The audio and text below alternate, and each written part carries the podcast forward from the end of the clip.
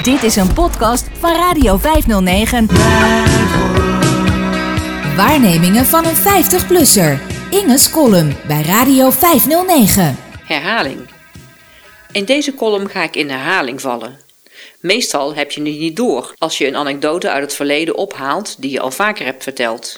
Maar met deze herhaling val ik jullie luisteraars bewust lastig. Het is niet fraai, ik zou het liever vermijden, maar het moet helaas. In eerdere columns heb ik me opgewonden over klagerige lotgenoten die zich als slachtoffer opstellen en uitsluitend vertrouwen op hulp en advies van professionals, terwijl iemand volgens mij het beste zelf weet wat hij of zij kan en daarnaast eventueel nog van een ander nodig heeft. Ik bepleit de inzet van een persoonlijk netwerk, advies vragen bij lotgenoten in plaats van een intake bij een regionaal centrum of een bezoek aan de CISO-beurs. En ik sprak mijn afschuw uit over het dragen van een hesje met de tekst Ik zie u niet, houd uw afstand. Jammer, het heeft niet geholpen. Want vorige week moest ik me toch weer ernstig opwinden over een artikel van de Saxion Hogeschool. Ene Meike Hartendorp heeft een onderzoek gedaan. Meike is niet alleen een lotgenoot, maar ook toegepast psycholoog, waarmee bedoeld wordt dat zij aan het HBO psychologie heeft gestudeerd. Zij deed onderzoek naar het effect van corona op blinden, slechtzienden en doofblinden. Bij zo'n zin begin ik al te gapen. Hoezo zou het interessant zijn om te weten wat juist deze groep heeft gemerkt van corona?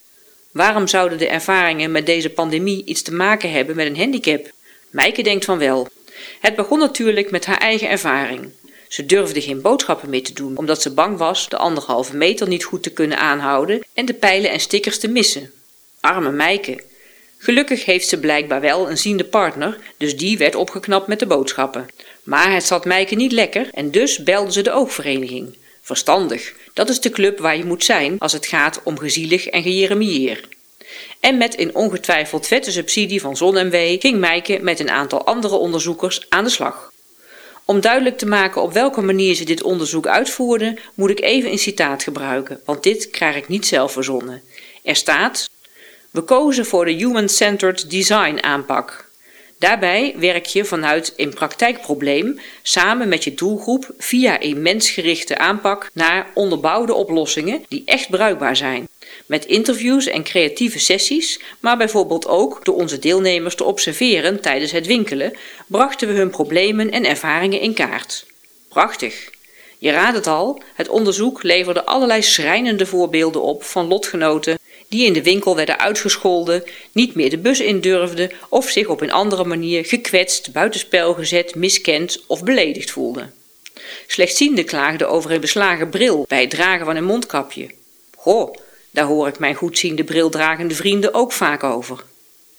De onderzoekers constateren wel een voordeel aan de coronacrisis, namelijk het thuiswerken, dat ons visueel minder begaafden veel energie bespaart doordat we niet hoeven te reizen. Maar helaas is er toch ook weer een probleem met dat thuiswerken.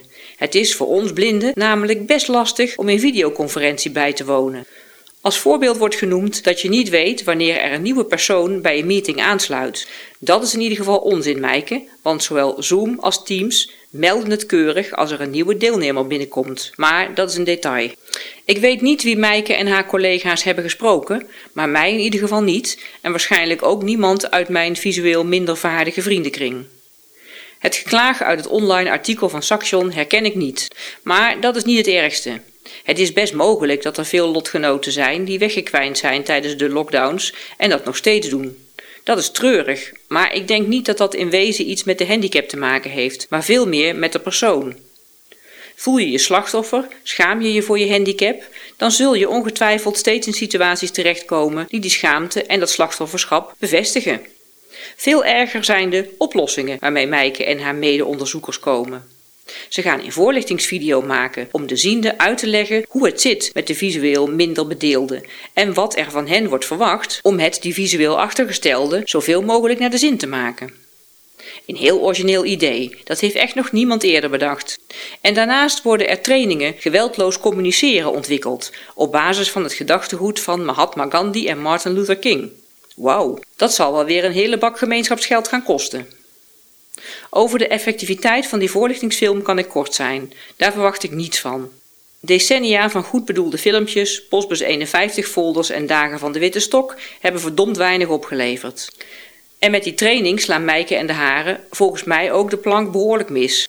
Al dat softige communiceer brengt ons geen stap verder. Het wordt juist tijd voor een training zinvol verbaal geweld. Dat is namelijk het soort communicatie dat de 21ste eeuwse mens het beste verstaat. Bijt van je af, zet je gesprekspartner verbaal klem, drijf hem in een kortzichtige hoek en laat zien wat jij als visueel getroubleerde in huis hebt. Zorg dat je indruk maakt en niet over het hoofd gezien wordt. Want lullen, dat kunnen wij toch als de beste. Wij verbaal sterk toegerusten. Doe er je voordeel mee.